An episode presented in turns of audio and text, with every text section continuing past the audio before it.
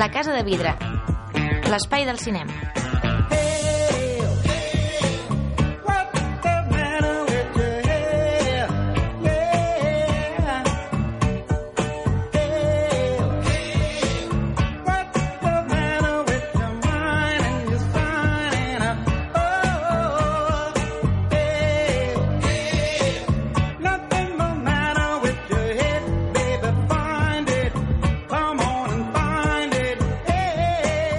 Hola, benvinguts una setmana més a la Casa Vidre, l'últim programa de temporada, per això també volíem tancar amb la música oficial no? de la Casa Vidre, tancar, començar, arrencar aquest programa eh, i tancar la temporada amb aquesta cançó de Red Bone, que és tan mítica, no? també gràcies a Guardians de la Galàxia, que és una saga que aquí estimem molt, com sabeu. Avui m'acompanya, però des de l'altra banda del telèfon, el Víctor Esquirol. Eh, què tal, Víctor? Guillem? M'he tornat a escaquejar avui, eh? Avui, avui sí, torno va, a passar de... Per de avui l'estudi. cola, però t'aviso que la temporada que ve això no, no es permetrà, Ah, eh? de mitjà, no? sí, sí, sí, farem un control Prenc més, nota. més ferri, perquè si no... Malament, no, sem- fora bromes. Eh, doncs avui amb el Víctor farem eh, una zona crítica d'una pel·lícula que ha passat un pèl desapercebuda a nivell de taquilla, però jo crec que val la pena mm, comentar-la, que és eh, No Estic te preocupes, no llegarà lejos a pie, un títol d'aquests llarguets. L'original és així, traducció literal, no, no culpem el traductor. no, no és una traducció de, de les nostres, eh? I, i, i podria ser una de les raons per les quals ha passat tan, des- tan Sí, eh? I, és, I és només pel pal que fa dir el títol sencer. Sí, però anem a veure No te preocupes, no llegarà lejos a pie costa és pel·lícula de Gus Van Sant amb un Jan, eh, gran Joaquin Phoenix, ho comentarem. I després, el, tot el que quedi de la resta del programa farem estrenes però no només aquesta setmana sinó de tot el que queda d'estiu de la, tot l'agost sencer i anem comentant doncs, setmana a setmana les més destacades i que, que, que podem comentar elles, algunes les haurem vist altres no, però bé, més amb això podem fer 5 cèntims, podeu fer una miqueta d'agenda i saber eh, quines setmanes heu d'estar al tanto. Hi ha algunes que podeu directament eh, descartant el cinema, almenys amb una novetat d'aquestes, però bé, anirem comentant tot això i farem una miqueta de tancament de temporada que ja toca descansar, tot i així descansem nosaltres anant al cinema, eh? que no us, no us equivoqueu, que som així de, de malalts. Bé, agafem els bàltols, Víctor, i comencem. Som-hi. La zona crítica.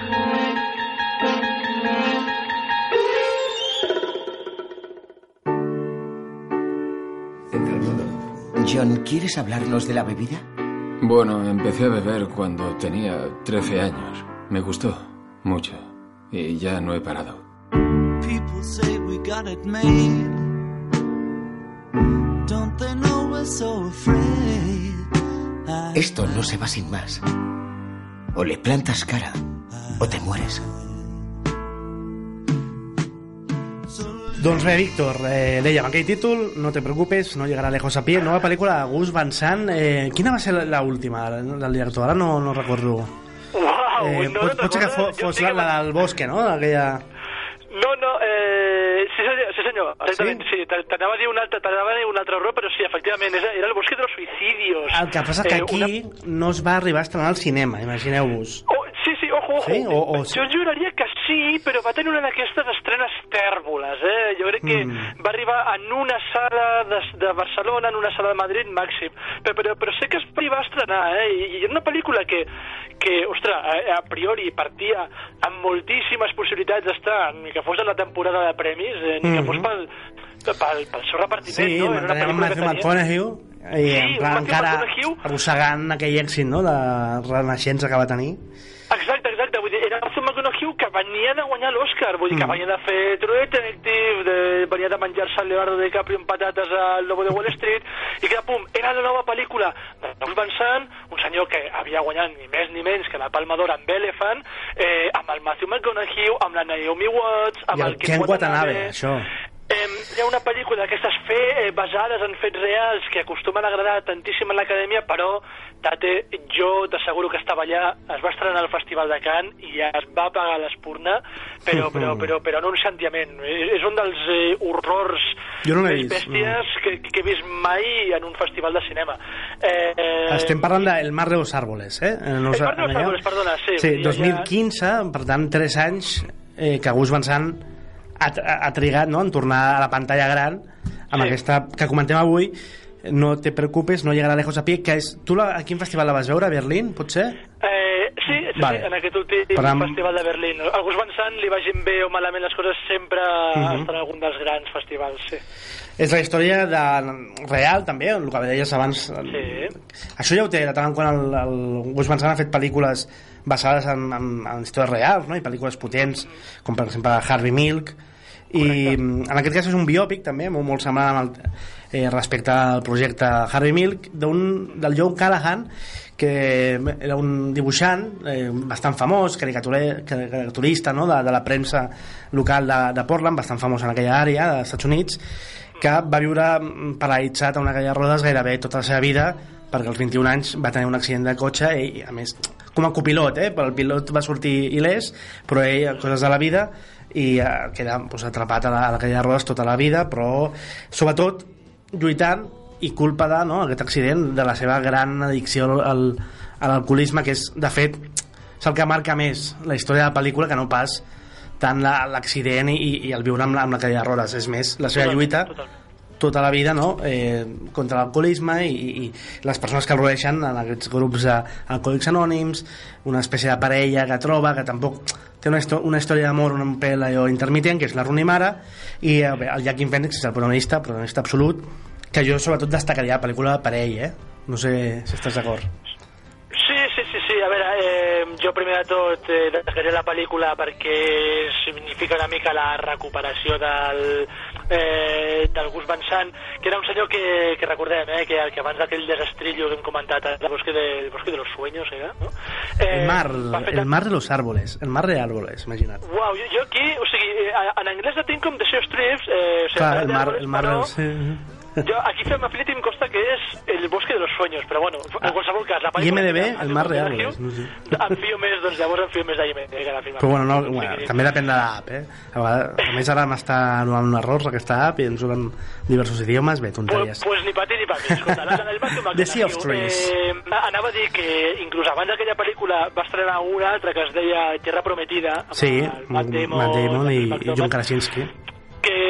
Que, que, va, era era una pel·lícula molt més digna però també molt, molt fluixeta. A mi ja, un, perquè ja ni que fos un cineasta que venia traçant una línia molt, molt, molt declivi, molt de decadència em, em trobo amb aquesta pel·lícula i, i trobo que és una pel·lícula una altra vegada molt més digna d'aquestes que a mi m'agrada veure bastant les metalectures que Mhm. apareixen la, la, les pel·lícules en aquest sentit no sé si t'hi vas fixar o no sé si va ser una imaginació meva a Berlín me la van comprar bastant, eh? però jo te l'explico al final d'aquesta nova pel·lícula la- el Joaquín Phoenix, que no, no, no direm tot el títol eh, hi ha un plano just al final de la pel·lícula hi ha un plano en què el Joaquín Phoenix mira frontalment a la càmera Mhm. i per la seva mirada i pel seu pentinat recorda terriblement el Gus Van Sant, el propi Gus Van Sant.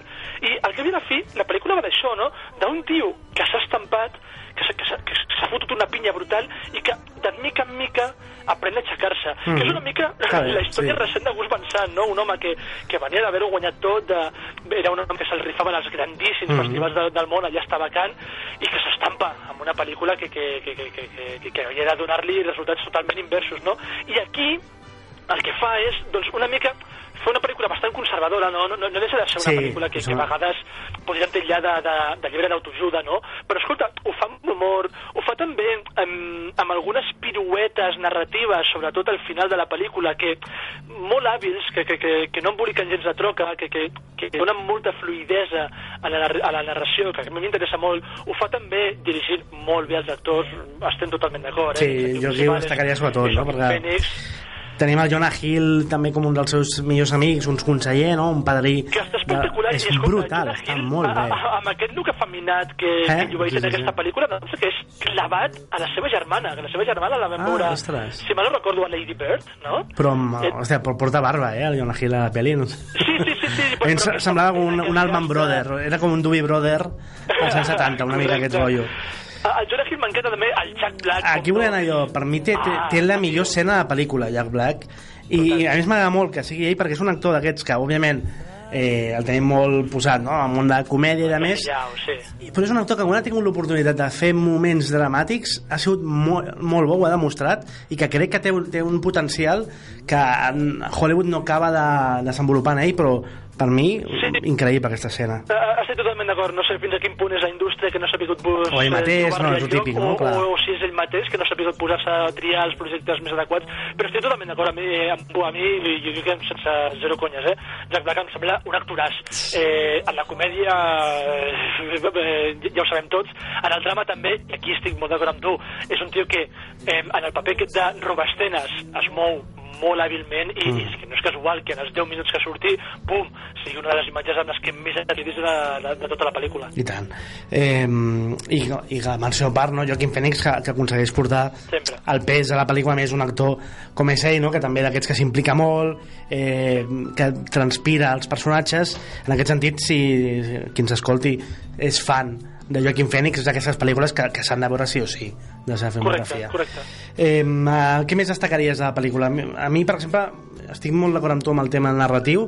Crec que, mm, com a biòpic que és, o quan deixa de ser en el fons, m'agrada la mescla que fa, els salts en el temps, eh, sense que siguin confosos i que més són complementaris, que cada escena d'una a l'altra, i en aquest sentit m'agrada com està explicada la història. No, i, i té molt sentit, no? Perquè i a la fi eh, la pel·lícula va sobre el fet d'aixecar-se, Mm. sobre el fet de superar, de, de lluitar contra els teus propis dimonis, que són dimonis que, que venen del passat, no? I en aquest sentit té molt, senti eh, té molt sentit, per aquí la redundància, que eh, el personatge de Joaquim Phoenix, en el seu present, estigui totalment convisquent amb el seu passat, no? Mm. I jo crec que el, el, el, el Gus Van Sant ho entén i ho sap plasmar de forma molt cinematogràfica. Eh, ja et dic, més enllà d'aquests aspectes que, que comentaven, m'agrada com utilitzen l'humor. La pel·lícula, Sí. sí. a cap i la fi, també és una altra mostra Sobretot de, les escenes de mm, reunió de grup, no? dels alcohòlics anònims, anònims te- te- tenen moments d'humor eh, ja negre, entre negre i sec, que estan molt bé. Clar, Amb l'Udo Kier també... fi- Sí, sí, perquè al cap i a la fi, eh, per mi, jo ho interpreto com una altra mostra de, de la comprensió del material de base Mm. de, per part de Gus Van Sant, no? Eh, jo, a posteriori, he de dir que no coneixia la figura del John Callahan abans de- d'entrar a la pel·lícula. Sí, no, igual. a posteriori vaig fer una mica els deures eh, amb retras i vaig veure que realment quan vam mostrar la pel·lícula l'humor que estilava el propi John Callahan era molt aquest, eh? Sí. Jugava amb, amb l'humor de, de, amb tonalitats molt negres la pel·lícula ho fa, però no per això deixa de ser una pel·lícula molt lluminosa molt esperançadora, inclús molt, molt, molt inspiradora. A mi aquest contrast de, de tons eh, d'humor m'agrada molt Sí, perquè a molt més, per sort no abusa de, de recolzar-se en l'humor del Callahan original, que potser algun altre director ho hagués fet, no? Eh, intercalar més i recolzar-se més amb el, amb el seu humor i les seves vinyetes, les utilitza però d'una manera molt orgànica, això em va agradar Sí. també eh, i res, jo, en el sentit de Jo- John Callahan que també eh, després, no, posteriors eh, buscant històries i de més pel que he llegit, el Gus Van Sant ja va intentar fer la pel·lícula anys enrere amb el Robin Williams per tant, Ostres. imagino que ja, ja fa anys, independentment de, de la teva lectura no? i i dels fracassos de la vida de Gus Van Sant, que al, al final és, és cíclic, sempre, la carrera llarga d'un director va d'un fracàs a un èxit i així, eh, jo crec que ja és un material que de fa anys a ell li, li tirava, no? Segurament en la vida del Callahan i en la seva biografia, autobiografia ja va trobar molt seu Sí. i, i en aquest sentit motius per, per adaptar la seva Sí. vida. Eh, m'ha donat una mica... m'ha donat un petit gir al cor, la veritat. Sí, eh? eh? Has dit Robin Williams, encara m'emociono. Ja, I, has estat molt bé. O, o, i, i, o, bueno, per les circumstàncies òbvies que, que van envoltar la seva mort, però, però, però també perquè, uau, crec que realment hagués sigut ideal Sí. el Robin Williams eh, en aquest paper. Ostres, el Joaquim Phoenix està gairebé d'Òscar, no?, com es diu, però el Robin Williams, ostres, que no.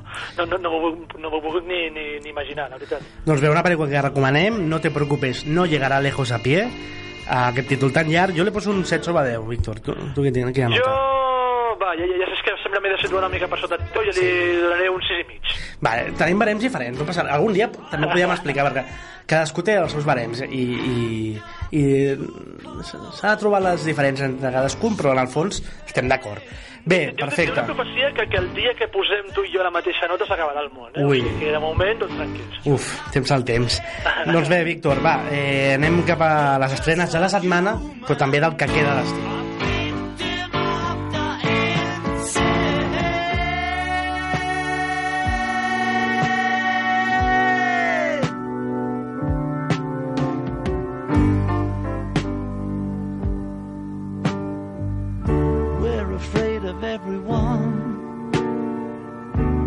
afraid of the sun.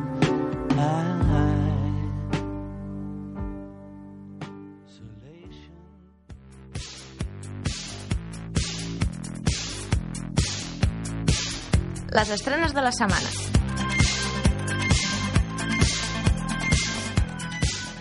Ravioli líquido de solomillo con infusión de ajo. Coño, los podías traer todos juntos a la vez, así te ahorras mucho viaje, ¿no te parece? Es alta cocina, señor. Ya, ya, alta no discuto, pero casa... Recordamos que lleva dos meses impagados de deuda. Lo siento, en casa somos todos católicos. Oiga, perdone. ¿Qué está pasando? Se llevan todo. Papá, ¿dónde estás ahora? Pues entrando en una comida de negocios. ¿Qué tal? ¿Qué tenemos para hoy, hermana? Un besuguito al horno.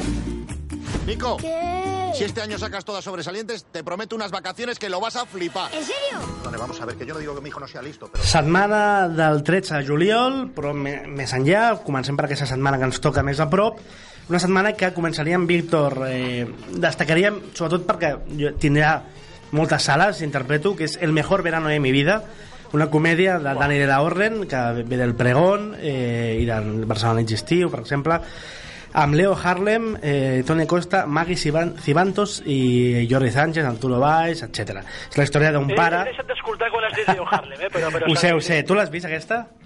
No, no, Vale. no l'he vist ni... Eh, soc un mal crític de cine, eh? No l'he vist No, ni, ni ganes, la veritat.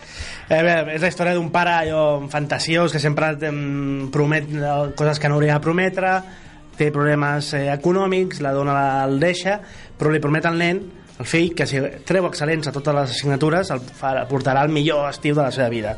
El nen els treu i el pare eh, fa mans i mànigues no, per inventar-se com pot unes vacances, el porta primer al poble amb una tieta garrepa bé, i van sur sorgint històries és un remake d'una pel·li italiana eh, del Kiko Zalone Et juro que t'anava a dir, eh, et juro que t'anava la- a dir que és la típica pel·li remake Sí. d'una pel·lícula italiana. És que és així. t'ho juro.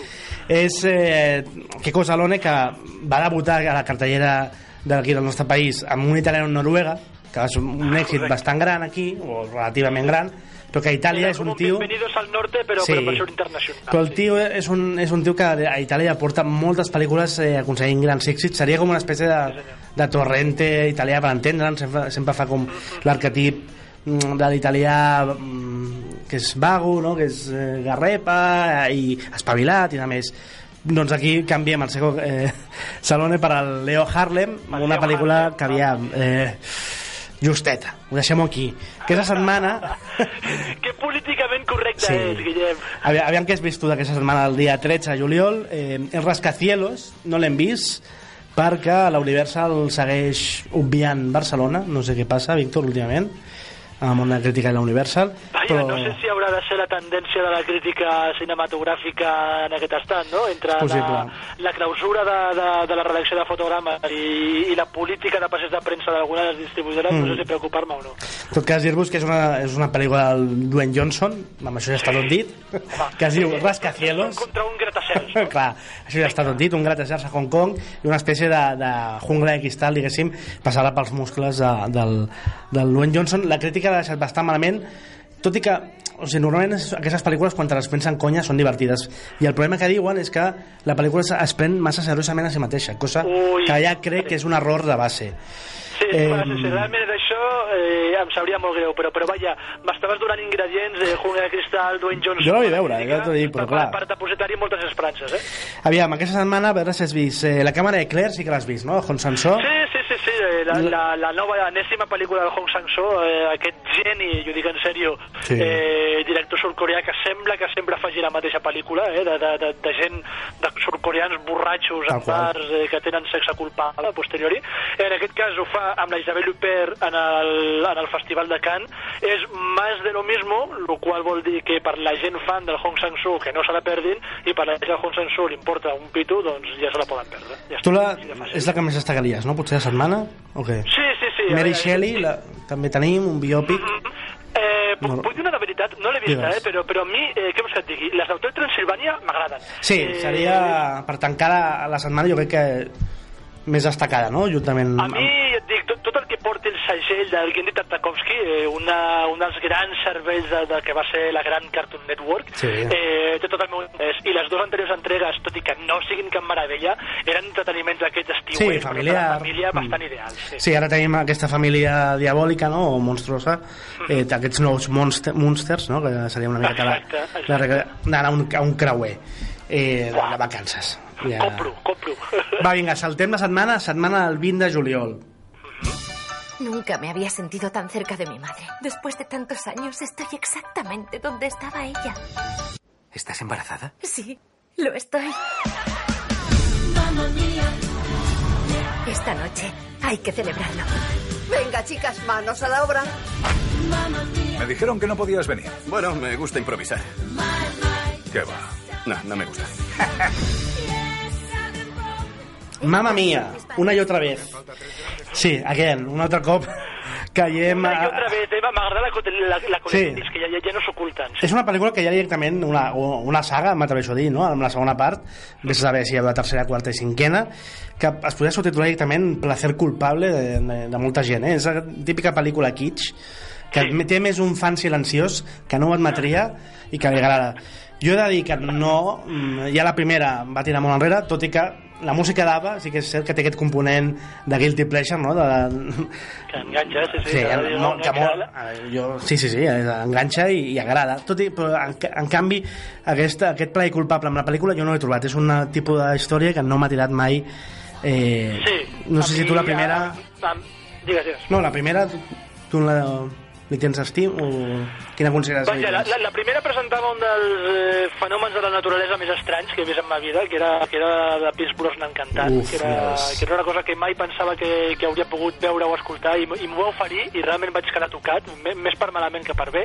Eh, la segona no sé si repeteix Pierce Brosnan, eh, si repeteix guai i si no, doncs mira, aquesta pel·lícula ha perdut tot l'interès per repeteix perquè fan un joc de passat i present on la, la Sophie, la protagonista, ara està embarassada i recorren els personatges eh, tirant enrere recordant el primer cop que la seva mare, de la Media Strip, arriba a la illa, aquesta on passa la història, no em diguis quina és, i bé, llavors juguem amb preqüela barra seqüela, on tens una, la Lady James fent de la jove Meryl Streep i on apareixerà la Cher fent de l'àvia. No entenc com pot ser mare Cher de Meryl Streep, que algú m'ho expliqui. I Andy García, Víctor.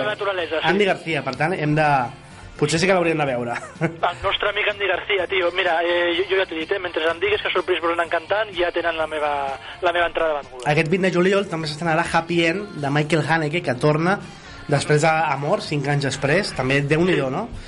Una pel·lícula interessant, tot i que no tan potent com Amor o algunes de les anteriors No, no, és, és un Haneke clarament apagat, però, però vaja, eh, pels no iniciats en la, en la filmografia del Haneke, és una pel·lícula molt interessant, perquè que ve a la fi no deixa de ser una espècie de greatest hits, no? Sí, Vull dir, sí, sí. en ella veus coses de caixer, veus coses de, de funny games, veus coses de És bug... És com si tot l'univers de Michael Haneke s'hagués fotut embotit, bastant mal embotit en una sola pel·lícula, el qual ja et dic, com a, com a cosa orgànica mm, és bastant lletja, però com a presa de contacte amb el que implica la crueltat aquesta marca de la casa de Michael Haneke em sembla una pel·lícula prou interessant. Vinga, que el temps apremia, ara eh, retallem i anem una pel·lícula per setmana, saltem Vinga, el 27 de juliol i aquí, a, a, a més és fàcil, eh? només hi ha una tria que és Missió Impossible Fallout. Dale. No puede haber paz sin antes un gran sufrimiento.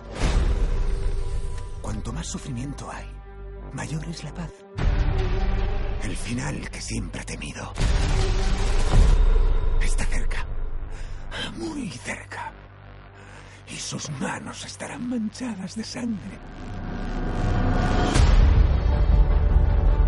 He rezado para que no fuera verdad. Solomon Lane se ha fugado en París. Y ahora el mundo corre peligro. Esta misión es de la CIA. Usted usa bisturí. Nova pel·lícula de saga, repeteix el director, el Christopher McQuarrie. Normalment aquesta saga tenia directors diferents en cada pel·lícula, repeteix i sembla que la història inclús és bastant serialitzada en el sentit de que lliga molt amb la cinquena i segueix la trama és el de sempre, no? Al cap i a la fi salvar aquesta missió impossible per salvar el món per un Tom Cruise que està immortal, no? que a més fa ell totes les escenes d'acció i cada pel·lícula és una nova escena d'acció increïble i totes les crítiques del moment que han sortit diuen que la posen eh, pels núvols en sentit d'acció del millor que s'ha vist des de Fury Road, Mad Max per tant, sí. el llistó està, eh, Víctor? Jo, jo, jo, jo també he llegit aquestes borrades, vull dir, de que és la nova Mad Max Fury Road, ojo aquí, que Eh, jo m'estimo són paraules molt d'aquella majors, pel·lícula sí. de George Sí, sí, sí. Miller. Eh, escolta, jo t'he jo de dir, eh? Vaig, fa temps que vaig perdre molt el fil de les històries de Missió Impossible. Estic ara al punt aquest que no m'importen, però escolta, en les últimes... No, no, però, però no dic com algú dolent, eh? Vull dir, les últimes pel·lícules que he vist de Missió Impossible, ostres, la 3, la 4 i la 5, no? Són? Sí. La, les últimes eh, em donaven el que demanava d'aquestes pel·lícules, Tal un qual. encadenat de 7 pieces acollonant. I si m'ofereixen més de lo mismo, doncs escolta, ja també tenen la meva entrada venguda. El 3 d'agost saltaríem i aniríem directament a veure Los Increïbles 2. ¡Ha llegado el socavador! Cuida de Jack Jack. Pero creía que iríamos ¡Obedece! ¡Hazme una cama elástica! Vemos Eh, una pel·lícula no està a l'alçada de primera perquè és molt difícil però està ben a prop és una bona continuació de la història són 14 anys els que han passat però òbviament l'animació també permet que la trama sigui immediatament després del que passa a la primera pel·lícula i jo crec que és una pel·lícula eh, que serà la pel·lícula de l'agost sens dubte i totes les famílies hi aniran i, i qui gaudís en el seu dia de primera disfrutarà d'aquesta Los Increïbles 2 Víctor, el dia 10 setmana següent jo, vull, jo he destacat Megalodon perquè a mi em tira molt.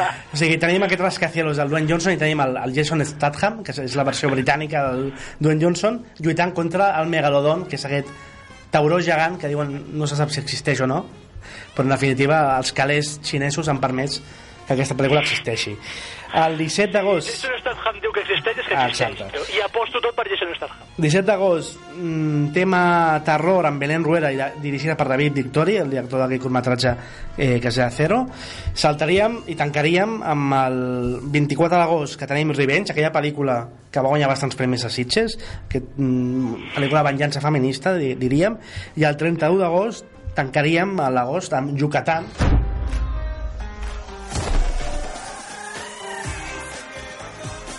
A lo mejor lo de empeñarme en traeros aquí no ha sido buena idea. Vamos a hacer lo que dice el pianista, olvidarnos de todo y disfrutar. ¿Disfrutar de qué? Si no se ve nada. Nos vamos a Yucatán. Gané un premio de la lotería. Y lo que no es normal es que tenga los santos huevos de no darle un duro a su familia. El dinero es como una maldición. He dicho que no quería saber nada de ustedes dos, no del dinero. Que está aquí, que lo tengo localizado. ¿Y está con el triste? Que no se acerque a Antonio. ¿A quién quieres? ¿A mí o el dinero? A los dos.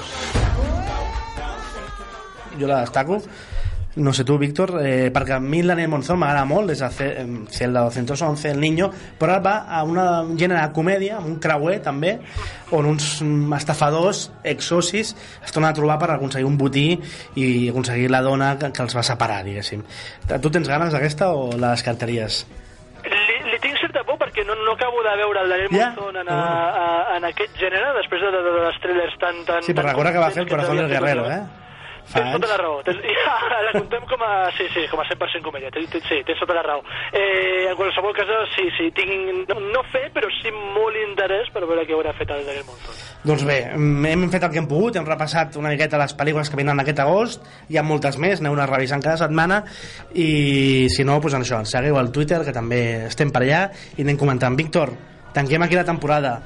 Eh, la temporada que ve segur que seguirem aquí amb més cinema i per tant és només una pausa petiteta i bé, moltes gràcies i gràcies a vosaltres per seguir-nos. Ha estat un plaer com sempre tancar temporada aquí gràcies a Sunster Ràdio i ens trobem al setembre. Bon cinema, adeu Ciao, ciao.